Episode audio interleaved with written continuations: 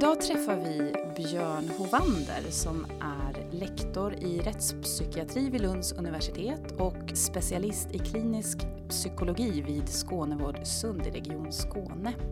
Hej! Hej! Anledningen till att vi träffas är att vi ska prata om aggressiva och antisociala barn. För du har forskat en del på det. Mm, det stämmer. Ehm, jag leder ett antal projekt som undersöker barn, unga och eh, vuxna med ett antisocialt beteende. Vad är antisocialt beteende? Kan du berätta? Antisocialt beteende är kan man säga, en, eh, en beskrivning utav de beteenden som bryter mot eh, samhällets och kulturens normer.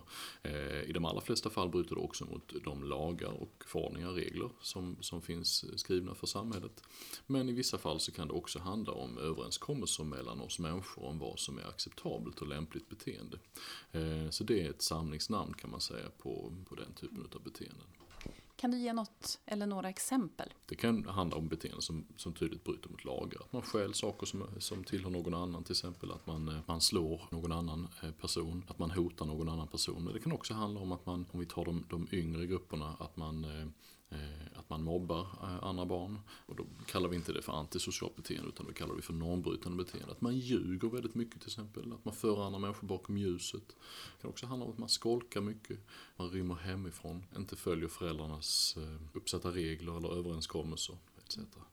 De barn och unga och vuxna som jag träffar eh, har ju ofta en väldigt, eh, en väldigt lång historia utav eh, utanförskap, utav att stå utanför samhället på olika sätt. Barnen har ofta tidigt haft svårigheter i förhållande till vuxna och andra barn.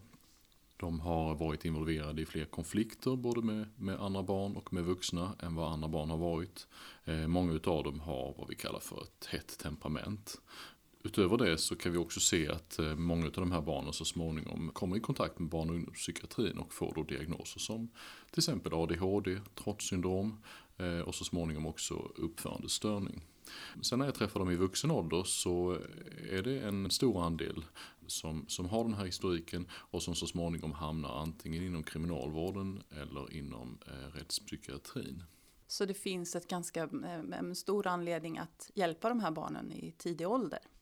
Absolut. Vi försöker ju hitta de här barnen så tidigt som möjligt eh, och undersöka vilka insatser är det som kan göra skillnad för de här barnen. Det är också viktigt att framhålla att det är inte så att alla barn som bråkar och har svårigheter i skolan eh, slutar i kriminalvård och rättspsykiatri. Så är det verkligen inte, utan för de allra flesta så reder saker och ting upp sig eh, över tid. Men vi ser både när vi tittar tillbaka i tiden hos de vuxna Eh, som har hamnat snett, så ser vi att, eh, eh, att många har den här historiken och också att det är tydligt överrepresenterat bland de här barnen att också få svårigheter i vuxen ålder. Ibland kanske man tycker att tonårsfasen, där kanske det är den mest aggressiva eller där lite sånt beteende märks. Men du nämner barn.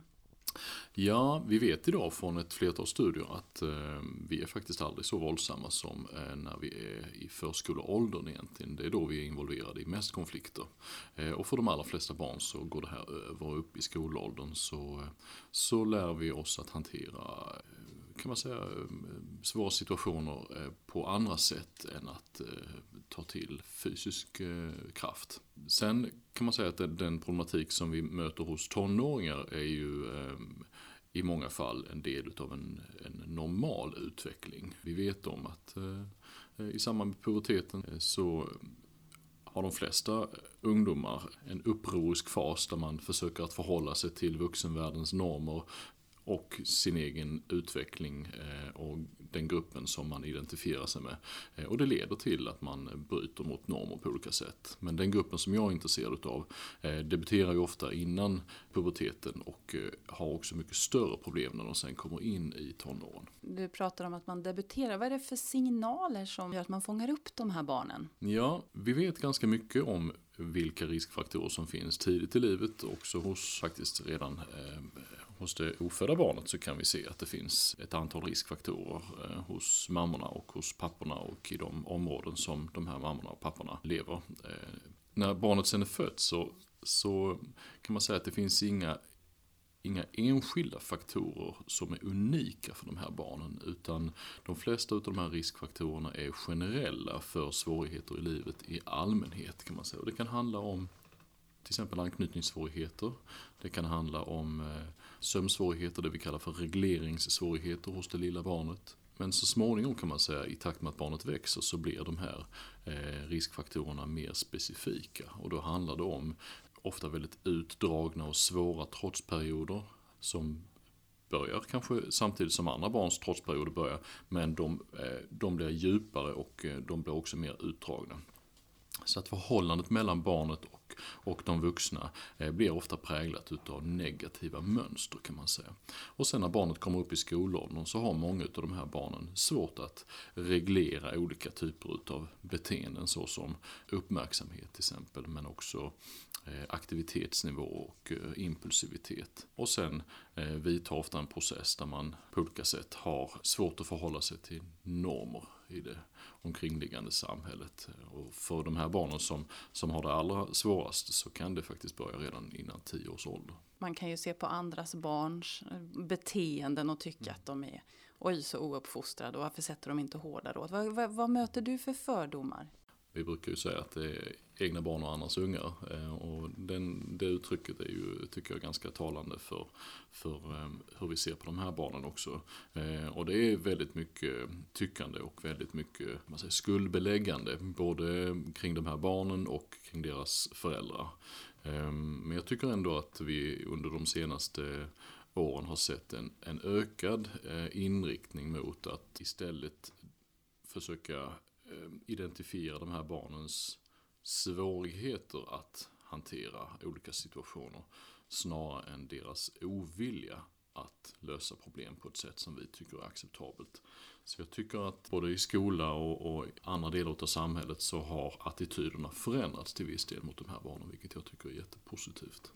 När vi träffades för tre år sedan så sa du att samhället accepterar i mycket högre utsträckning att barn slåss och blir utsatta för våld än vad du tycker är acceptabelt. Kan du utveckla det lite grann? Jag menar att eh, just fysisk aggressivitet är kanske den, den tydligaste och den viktigaste signalen vi har för att eh, identifiera de här barnen som eh, följer den utvecklingen som är väldigt viktig att vi försöker bryta så tidigt som möjligt. Och om vi normaliserar våld mellan barn, vilket vi har sett i perioder, eh, även om jag kan se att eh, idag så har vi delvis sett en, en, en förändrad attityd kring, kring konflikter och sociala färdigheter hos barn. Om det normaliseras så riskerar vi att missa de här barnen och framförallt de barn som som har en sån tydlig svårighet att, att hantera motgångar, frustration, interaktion med andra barn och vuxna.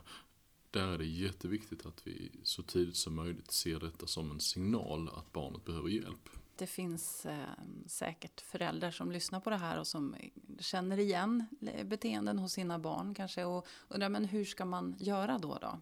Ja, idag har vi ju ett ganska väl utbyggt system av föräldrautbildningar där föräldrar tidigt har möjlighet, om de själva vill, att lära sig evidensbaserade metoder för eh, att hantera konflikter och eh, svåra situationer där hemma.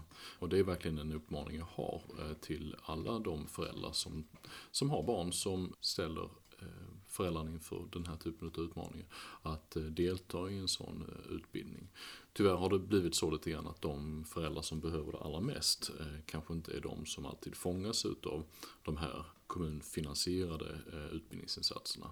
Men det är verkligen en, en, jätte, en jättebra rekommendation. Sen tycker jag också att vi i högre utsträckning behöver hjälpas åt. Eh, både från eh, skola, förskola men också från barn och ungdomspsykiatri och från socialtjänst. Eh, att tillsammans uppmärksamma varandra på de här barnen. En del av de här barnen har kontakt med socialtjänsten via sina familjer.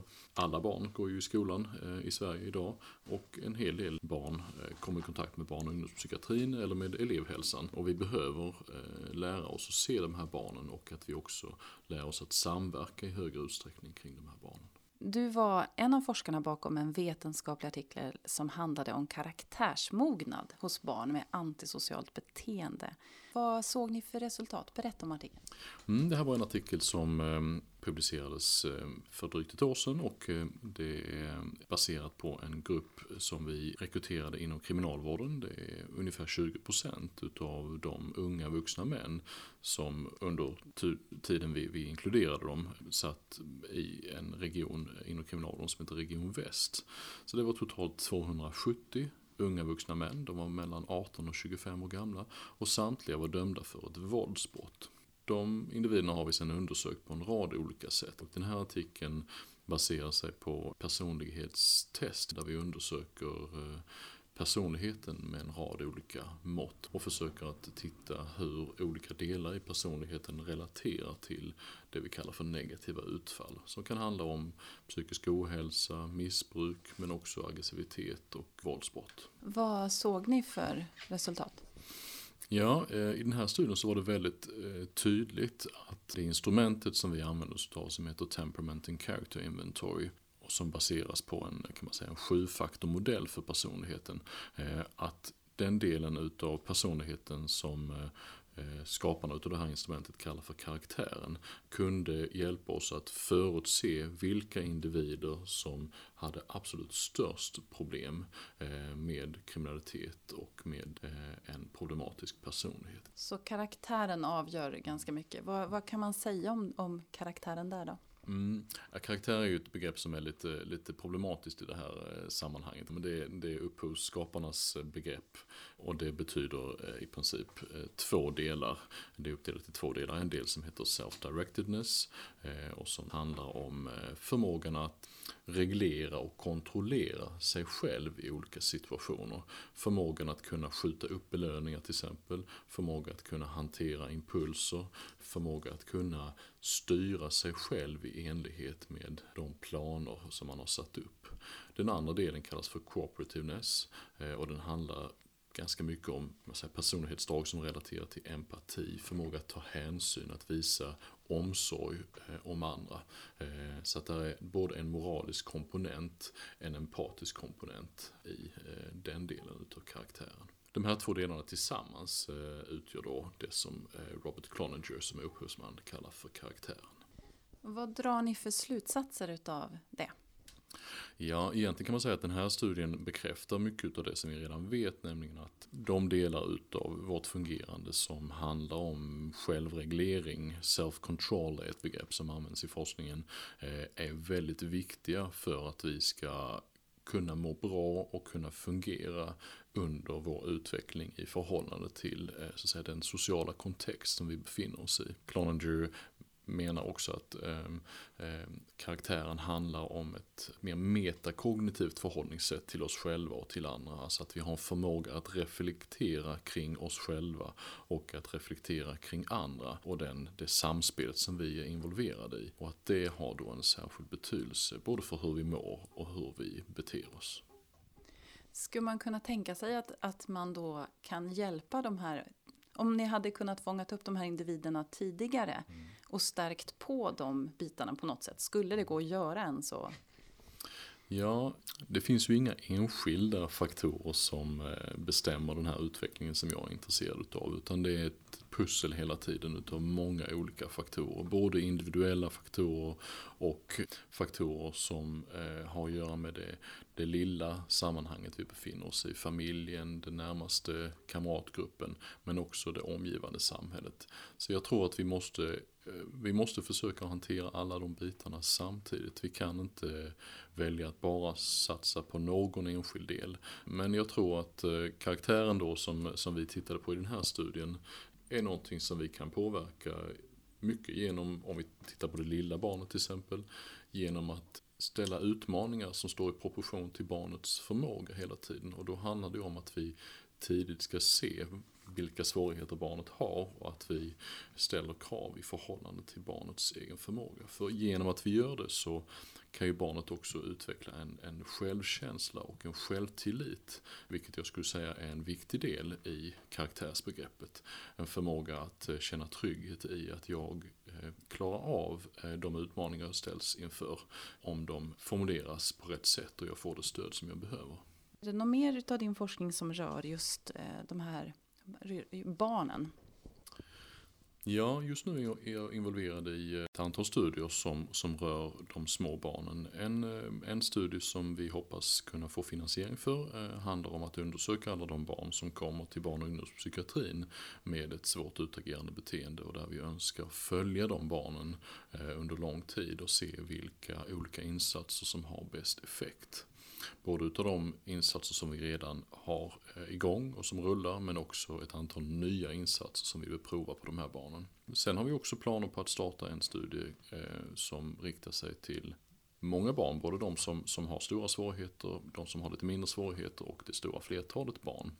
Och där vi ska jobba med eh, en modell som heter Schoolwide Positive Behavior Support. Se vad den modellen kan göra för skillnad för både det stora flertalet barn och eh, eh, deras sociala beteende i skolan. Men också hur vi kan jobba med de barn som har större svårigheter.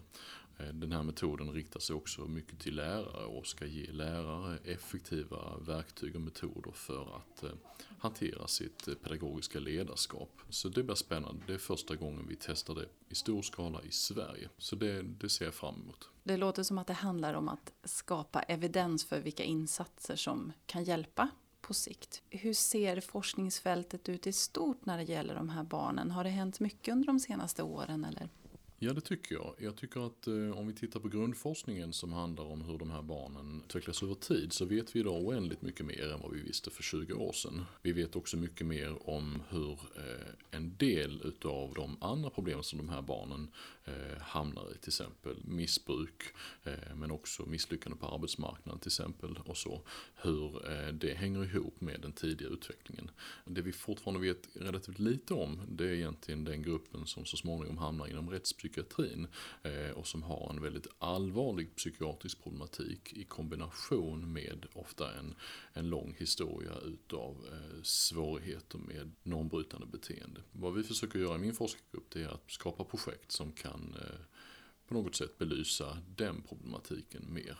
När vi träffades förra gången så nämnde du att det är ungefär 1% av befolkningen som står för 63% av våldsbrotten Ja, den, eh, den siffran kan man säga är belagd i flera olika studier och eh, svarar ganska bra emot eh, de prevalenssiffror vi har från andra utvecklade länder med en, med en någorlunda normal eh, samhällsuppbyggnad. Så att det kan vi säga är idag ett, ett replikerat fynd eh, och det fanns studier innan vi publicerade den studien också som kunde peka i samma riktning.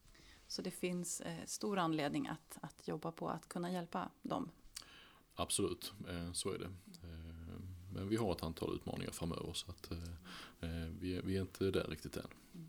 Avslutningsvis, har du något råd att ge till, till föräldrar eller lärare som, som träffar de här barnen? Ja, det första är nog att bara för att man har ett barn som har svårigheter i interaktionen med andra så behöver inte det innebära att det går illa på lång sikt. Utan för de allra flesta barnen så går det riktigt bra. Men jag vill också uppmana alla att ta, ta emot den, det, det, stöd och den hjälp som finns. Att man också eh, tidigt om man har ett barn som har påtagliga svårigheter se till att samverka tillsammans.